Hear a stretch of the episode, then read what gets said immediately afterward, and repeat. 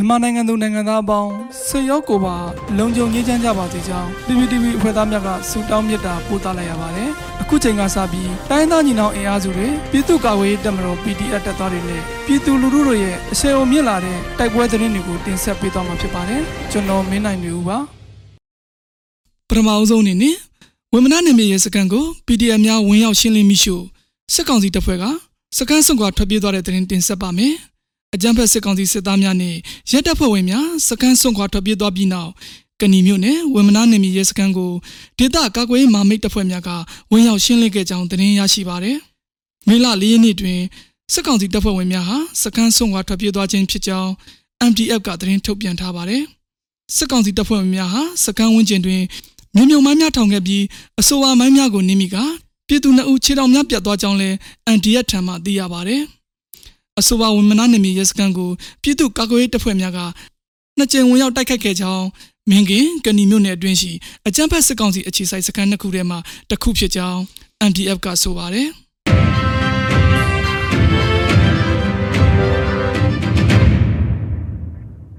ဆက်လက်ပြီးတင်ဆက်မှာကတော့မုံရွာကြောက်ကလန်းတွင်စစ်သားများလိုက်ပါလာတော့က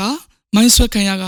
12ဦးသေဆုံးတဲ့တဲ့တင်တင်ဆက်ပါမယ်။ စကိုင်းတိုင်းမုံဝါမြို့နယ်ကြောက်ကလန်းပိုင်းနင်းလစီဆိုင်အနီး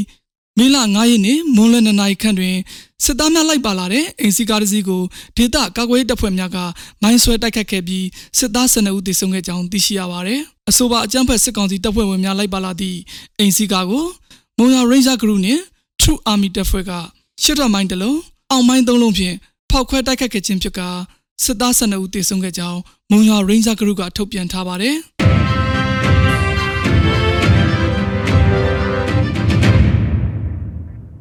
စစ်စေးပြုတ်လို့ရန်လာတဲ့အကြံဖက်စစ်ကောင်စီအုပ်စုမိုင်းဆွဲတိုက်ခိုက်ခံရပြီး19ဦးသေဆုံးတဲ့တဲ့ရင်ဆက်လက်တင်ဆက်ပါမယ်။စကိုင်းတိုင်းခေဦးမြို့နယ်ရာတကုန်းကျွော်မှာအကြံဖက်စစ်သားများဟာအနိရှိအင်ဘက်ကွေမှာစစ်စေးပြုတ်လို့ရန်လာခဲ့ရာ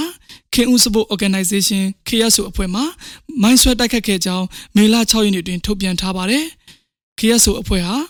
မေလ2ရက်နေ့တွင် Impact ကျွော်တိုက်ပွဲအတွင်းလက်နက်ပစ္စည်းများဆုံးရှုံးခဲ့ရပြီးမေလ3ရက်နေ့တွင်အကြမ်းဖက်စစ်ကောင်စီတပ်သားများရှိရာနေရာနှစ်ခုတွင်ဒရုန်းချတိုက်ခတ်ခဲ့ရာဒရုန်းဆုံးရှုံးခဲ့ရကြောင်းသိရှိရပါတယ်။အဆိုပါအခက်အခဲများကြောင့်မစ်ရှင်များယာယီရန်နာထားမည်ဟုကြေညာထားတော်လဲမေလ6ရက်နေ့တွင်မစ်ရှင်တစ်ခုနှင့်ပြန်လာခဲ့ခြင်းဖြစ်ကြောင်းထုတ်ပြန်ထားပါတယ်။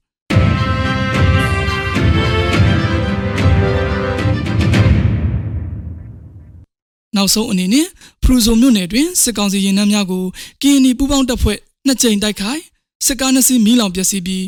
စစ်သား3ဦးတမန်နဲ့တေဆုံးတဲ့တဲ့တင်ဆက်မှာပါကီအီနီပြည်နယ်ဖရူဇိုမြို့နယ်အတွင်း၌အကြမ်းဖက်စစ်ကောင်စီစစ်ရင်နှန်းများကိုကီအီနီတပ်မတော် KA နှင့်ကီအီနီအမျိုးသားကာကွယ်ရေးတပ် KND ပူးပေါင်းတပ်ဖွဲ့ကမေလ၄ရက်နေ့၌နေရာနှစ်ခုတွင်နှစ်ကြိမ်တိုက်ခတ်ခဲ့ပြီးစစ်ကားနှစ်စီးမီးလောင်ပျက်စီးကစစ်သား3ဦးတမန်နဲ့တေဆုံးဒဏ်ရာရကြောင်း KNDF ကသတင်းထုတ်ပြန်ပါတယ်။ မီလာလေးရဲ့နက်နက်၄နာရီကျော်တွင်ဖရူဇိုမြို့နယ်ဘက်မှပေါ်လခဲမြို့နယ်နန်းဖဲကျွော်ဘက်သို့ထွက်ခွာလာတဲ့စစ်ကောင်စီရင်နှန်းကိုကင်နီပူပေါင်းတပ်ဖွဲ့ကမိုင်းဆွဲပစ်ခတ်တိုက်ခိုက်ရာစစ်ကားနှစ်စီးမီးလောင်ပျက်စီးသွားပြီးစစ်သားများတေဆုံးထိခိုက်မှုရှိနိုင်ကြောင်းနက်နက်10နာရီကျော်အထိ KNDF ကပျောက်ကြားပစ်ခတ်တိုက်ခိုက်ခဲ့ကြောင်းသိရှိရပါတယ်။တိုက်ပွဲဖြစ်ပွားရာနေရာမှာစစ်ကောင်စီတပ်များဆုတ်ခွာသွားပြီးတဲ့နောက် KNDF ကနေမြေရှင်းလင်းစဉ်ကြီးအချို့နဲ့စစ်သုံးဆောင်ပစ္စည်းအချို့ တင်စီရမိခဲ့သည်ဟု KNDF ကဆိုပါတယ်။ယင်းပြင်မေလာလေးရဲ့နနက်9နာရီ၌ဖရူဇိုမျိုးအမတ်ဆက်လေးစစ်လေးကျင်းရေးအကြောင်းမှာထားလဲကြရွာဘက်သို့ရိတ်ကာနေခရမ်းဖို့သောစစ်ကောင်စီရင်နှန်းကိုလောချစ်ကူကြီးရွာအနီးတွင်ကင်နီပူပေါင်းတပ်ဖွဲ့ကတိုက်ခိုက်ရာတနအီနီးပါးတိုက်ပွဲဖြစ်ပွားပြီးစစ်သား3ဦးသေဆုံးကထိခိုက်ဒဏ်ရာရရှိသူများရှိကြောင်းတိုက်ပွဲနှစ်ခုတွင်ကင်နီပူပေါင်းတပ်ဖွဲ့ဘက်မှဒဏ်ရာရရှိသူမရှိကြောင်း KNDF ကသတင်းထုတ်ပြန်ထားပါတယ်ခင်ဗျာ။